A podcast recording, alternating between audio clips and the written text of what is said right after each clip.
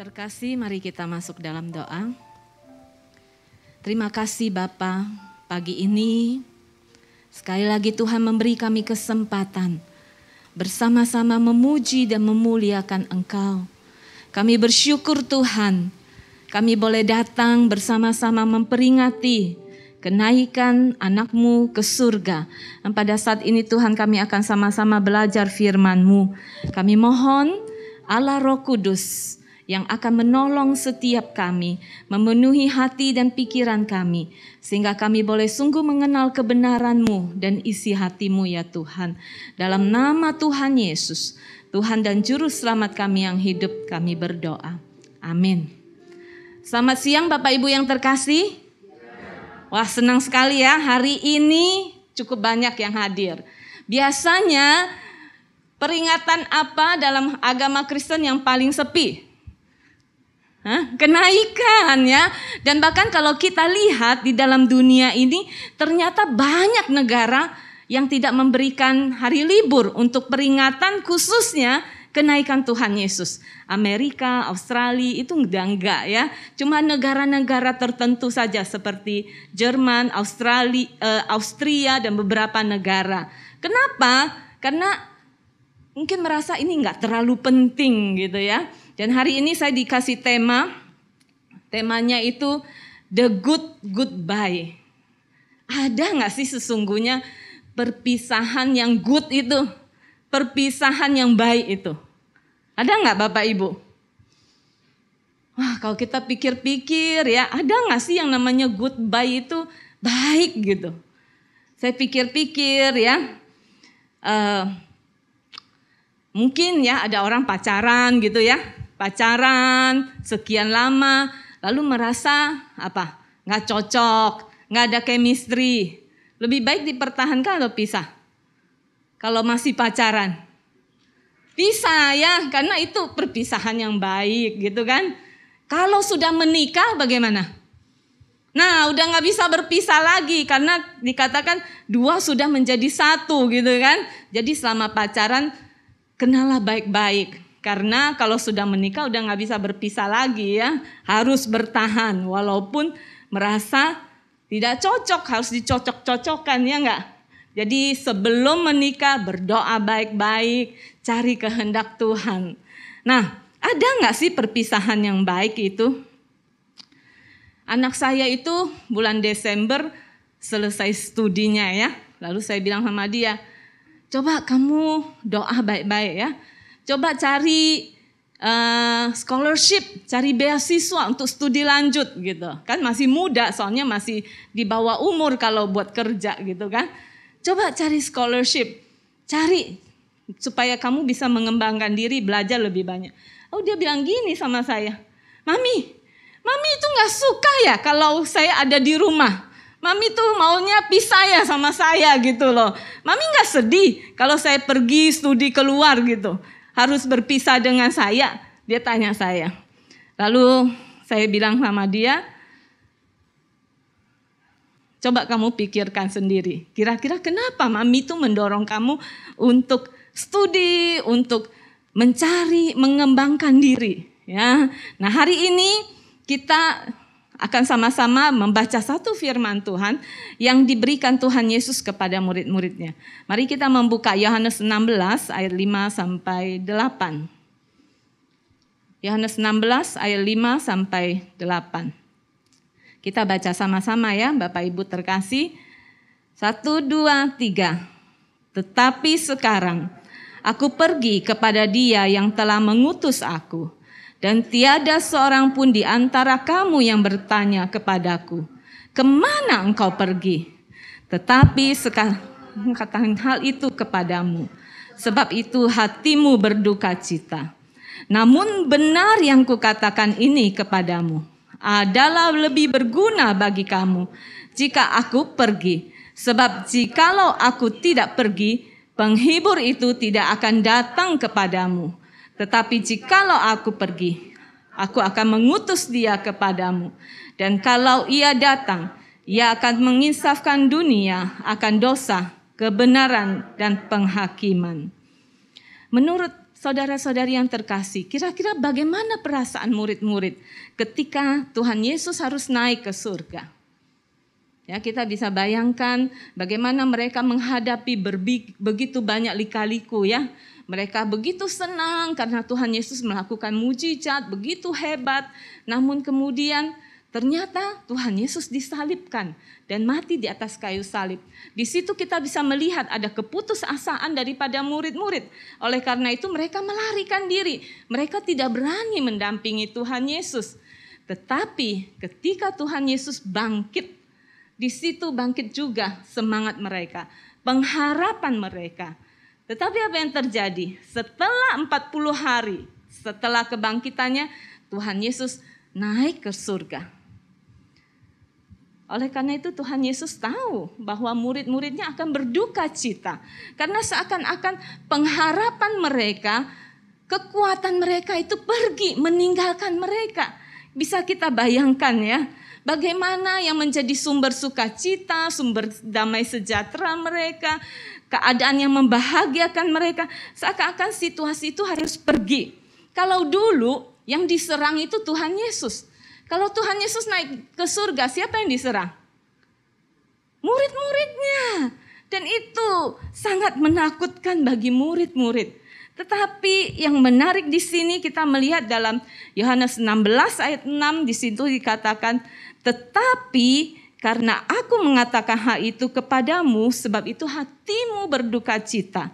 Namun benar yang kukatakan ini kepadamu adalah lebih berguna bagi kamu jika aku pergi. Sebab jikalau aku tidak pergi, penghibur itu tidak akan datang kepadamu. Tetapi jikalau aku pergi, aku akan mengutus dia kepadamu. Wah, kalau kita aplikasikan ya pada zaman ini, kalau kita bayangkan ya, seandainya kalau Tuhan Yesus tidak naik ke surga, dan Tuhan Yesus ada bersama-sama dengan kita, bagaimana Bapak Ibu? Oh, saya bayangkan ya, kita nggak akan ada pandemi, ya nggak? Kita tinggal itu, kalau ada orang kena virus, Tuhan Yesus tinggal datang ke rumah sakit, doain sembuh, jadi nggak nular ke mana-mana, ya nggak? Nggak akan ada pandemi, nggak akan ada kelaparan, dengan lima roti, dua ikan, Tuhan Yesus berkati, dipecah-pecahkan, mengenyangkan semua orang.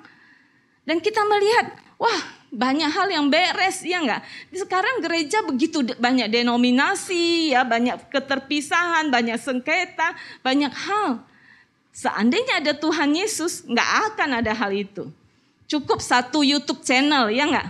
Semua judulnya apa? Kalau sekarang GKBJ Kelapa Gading, GKBJ aja banyak banget ya kan. Kalau seandainya ada Tuhan Yesus tinggal apa? JesusChrist.com ya, udah beres semuanya. Jauh nggak usah pusing-pusing edit banyak gitu ya. Sekali edit yang nonton berapa orang? Bukan jutaan ya, miliaran orang yang nonton. Wah kita pikir, wah ini enak banget ya, nyaman banget. Seandainya ada Tuhan Yesus bersama-sama dengan kita, seandainya Tuhan Yesus tidak naik ke surga, tetapi Tuhan Yesus berkata, "Adalah lebih baik bagimu jika aku pergi." Wow, apa maksudnya? Apa maksudnya? Tuhan Yesus sudah menyelesaikan misinya dalam dunia ini. Dia sudah menyelamatkan manusia.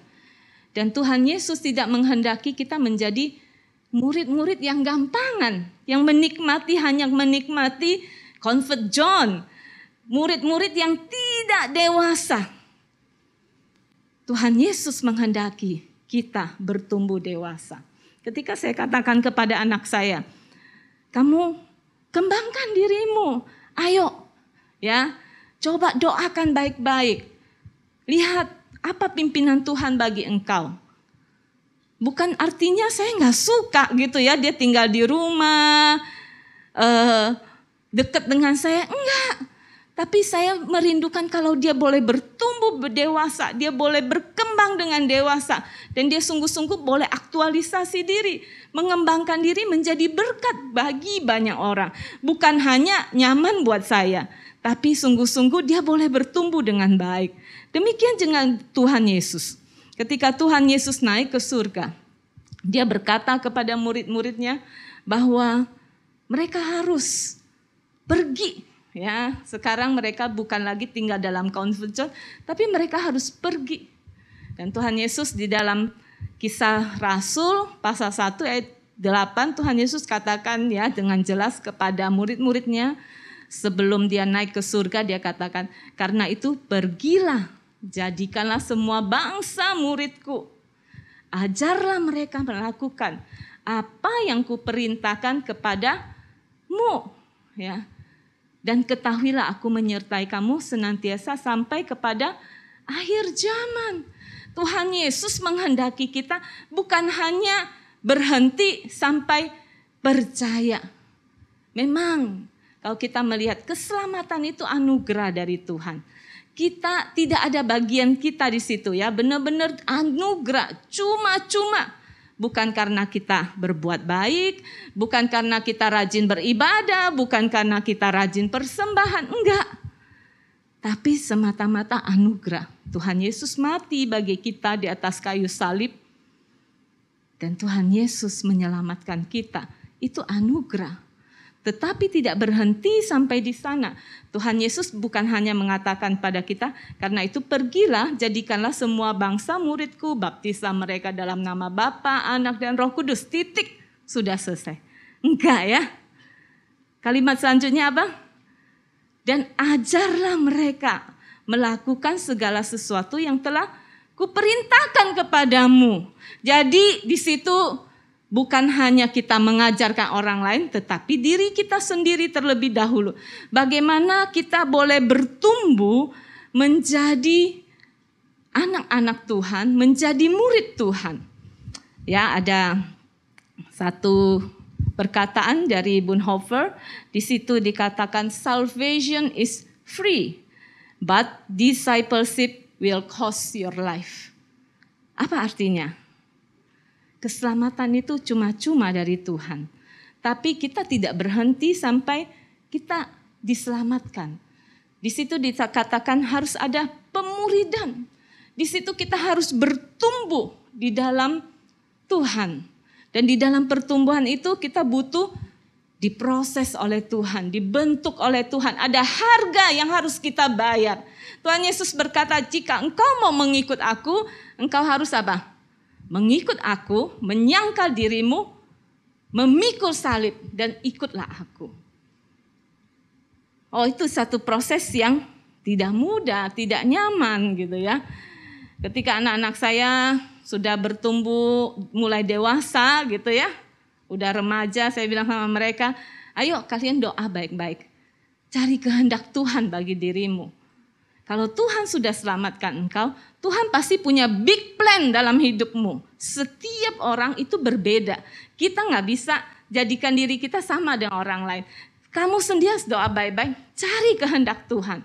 Jangan sampai kamu hidup nyaman untuk uh, comfort zone gitu. Hanya untuk mencapai ambisi pribadi, cari uh, kerja hanya untuk menyenangkan diri gitu. Mencapai apa yang kamu inginkan tapi cari kehendak Tuhan di dalam hidupmu dan genapi itu bersama dengan Tuhan. Pasti Tuhan kasih kekuatan. Bapak Ibu yang terkasih, dan Tuhan tahu kita nggak bisa sendiri ya di dalam kondisi ini Tuhan tahu kita nggak bisa sendiri. Dia memang membentuk kita untuk bertumbuh dewasa dan dia tahu kita nggak bisa sendiri. Oleh karena itu dia katakan apa? Aku nggak tinggalkan kamu yatim piatu. Udah pergi bye-bye. Coba ya perang sendiri, berjuang sendiri, cari sendiri. Enggak. Tuhan Yesus bilang apa? Aku mengutus roh kudus. Dia akan menyertai kamu, dia akan menolong kamu. Nah kalau kita lihat setelah Tuhan Yesus bangkit ketika dia bertemu dengan murid-muridnya, kita lihat dia memang gampang ya udah berpindah tempat ya. Tiba-tiba muridnya lagi kumpul pintu terkunci semua tiba-tiba dia bisa hadir. Cus gitu ya. Tapi kita lihat kan tempat-tempat tertentu aja kan saat-saat yang hadir di tempat-tempat saat itu saja. Tetapi kalau Roh Kudus itu berbeda ya kalau kita lihat. Setiap kita yang sudah percaya kepada Tuhan maka Roh Kudus hadir dalam hidup kita. Dia menerapkan penyelamatan yang Tuhan sudah berikan kepada kita. Melalui Roh Kudus ini kita bisa percaya kepada Tuhan dan melalui Roh Kudus Tuhan bekerja dalam hidup kita, menolong kita untuk bertumbuh di dalam Tuhan, menolong kita untuk uh, memiliki hubungan yang dekat dengan Tuhan, menolong kita untuk bisa mendengarkan suara Tuhan, melihat bimbingan Tuhan dalam hidup kita, menghibur, menguatkan kita, menegur kita. Oleh karena itu Tuhan Yesus katakan, lebih baik aku pergi karena ketika aku pergi, maka aku akan mengutus rohnya yang kudus untuk datang kepadamu. Dan setiap engkau yang percaya kepadaku, engkau akan memiliki roh itu di dalam dirimu. Nah, untuk tentang Roh Kudus nanti minta pendeta Randy aja yang khotbah ya pas hari Pentakosta minggu yang pertama tanggal 5 Juni ya. Saya nggak akan bahas panjang lebar tentang Roh Kudus. Tapi yang kita tahu, setiap kita ketika kita sudah percaya kepada Tuhan, pasti kita memiliki Roh Kudus di dalam diri kita, dan Roh Kudus ini yang akan bekerja menolong kita. Oleh karena itu Tuhan Yesus katakan, aku nggak pernah tinggalkan kamu sendiri. Dan seperti lagu yang kita nyanyikan tadi ya, Tuhan Yesus naik ke surga, mempersiapkan tempat bagi kita. Tuhan Yesus naik ke surga, dia menjadi pendoa syafaat bagi kita. Oleh karena itu, kalau kita lihat inilah waktunya bagi kita untuk berjuang ya, untuk berusaha dibentuk oleh Tuhan, semakin bertumbuh di dalam Tuhan, semakin memiliki hubungan yang dekat dengan Tuhan dunia ini bukan rumah kita. Ya banyak orang terlalu nyaman dengan dunia ini sampai merasa dunia ini, ini rumahku gitu. Oleh karena itu aku harus berjuang untuk sebesar-besarnya untuk mendapatkan dunia ini. Enggak, Tuhan bilang dunia ini bukan rumahmu. Dunia ini hanya apa? Persinggahan. Ya, bahkan kalau kita baca Korintus dibilang kita itu tinggal dalam tubuh ini kayak kita tinggal dalam kemah. Cuma sementara. Kita itu bukan warga negara dunia. Tapi warga negara kita di mana? Surga ya. Setiap kita punya rumah yang kekal. Kalau kita sungguh-sungguh percaya pada Tuhan, kita punya rumah yang kekal. Oleh karena itu, kita diproses oleh Tuhan bertumbuh dewasa. Dan Jangan hindari proses itu. Tapi nikmati proses itu bersama dengan Tuhan. Mungkin kita heran, loh, kok pakai kata nikmati ya gitu ya. Nah, anak saya itu lagi ujian akhir untuk kenaikan kelas. Dia itu mengalami banyak kesulitan. Kenapa? Waktu SMP itu dia sekolahnya yang uh, lebih santai gitu ya.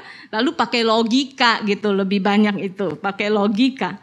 Nah, sekarang masuk SMA, pindah ke Yakobus, Bapak Ibu, bayangin nggak?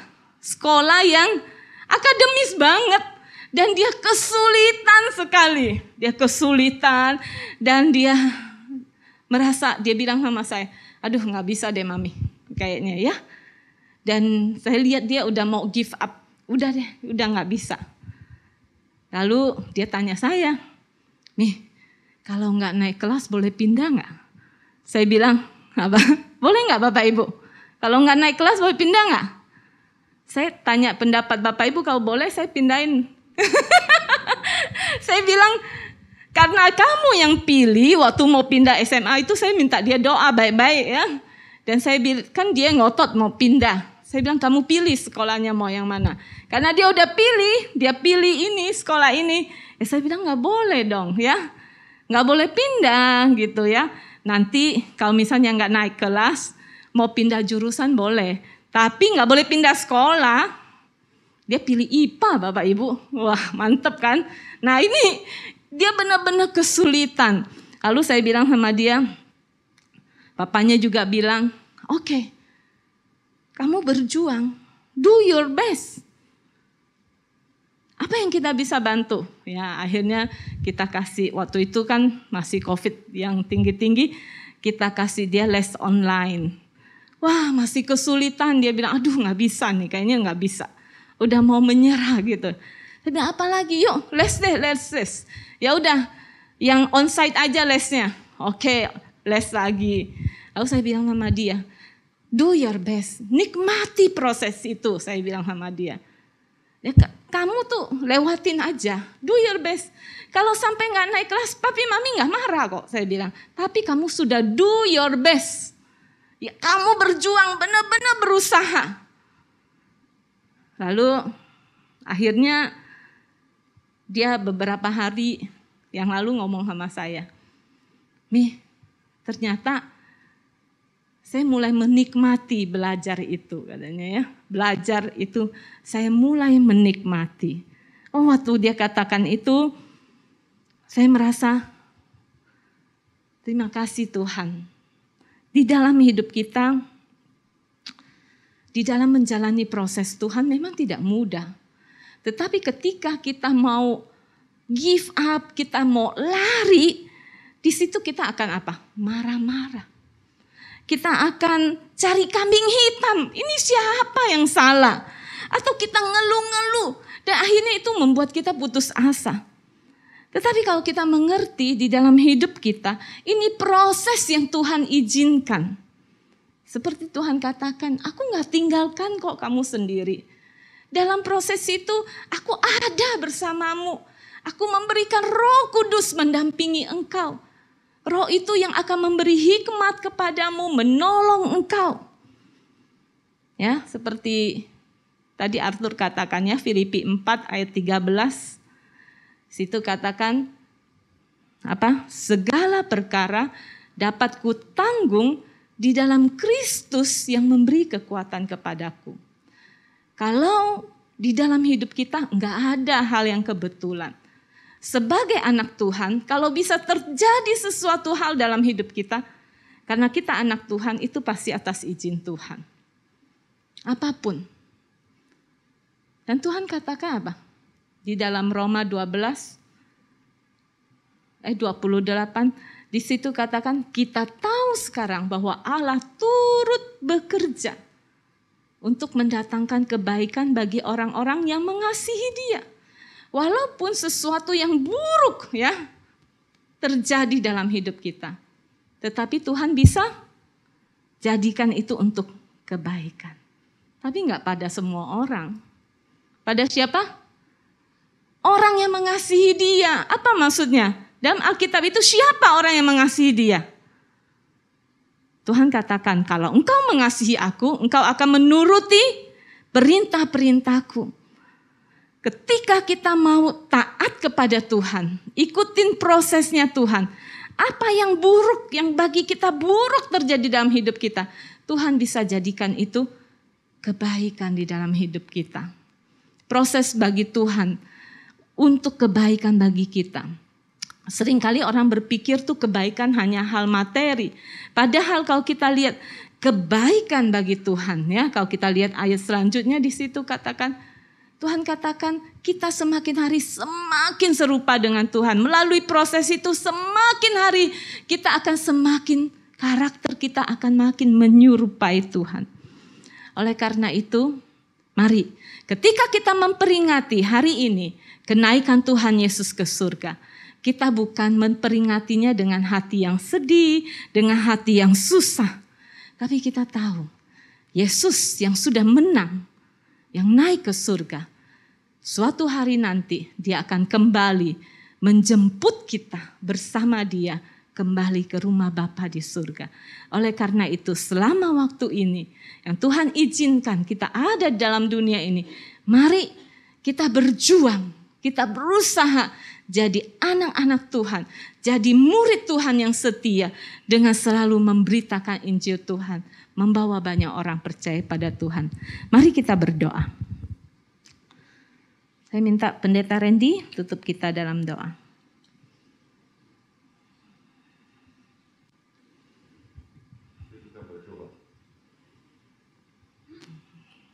Kami bersyukur untuk kebaikan Tuhan hari ini.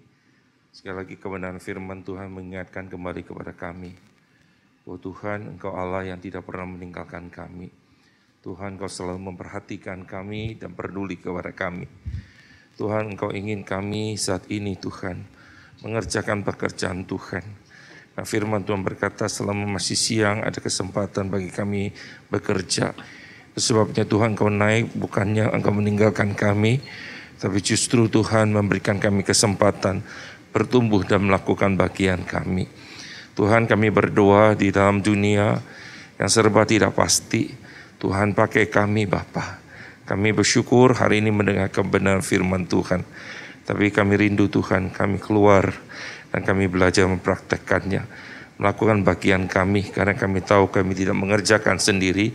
Karena kami tahu ada Allah Roh Kudus yang tidak pernah meninggalkan kami, yang menolong kami, yang menopang kami, yang memberikan kekuatan kepada kami.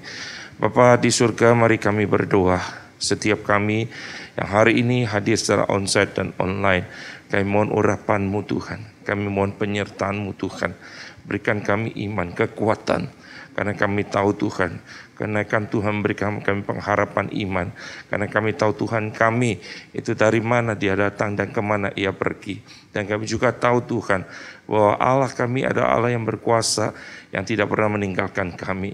Dan setelah kami mengerjakan semuanya ini, Tuhan akan membawa kami kembali. Terima kasih Bapak dengar doa kami. Dalam nama Tuhan Yesus kami berdoa dan bersyukur. Amin. Amin.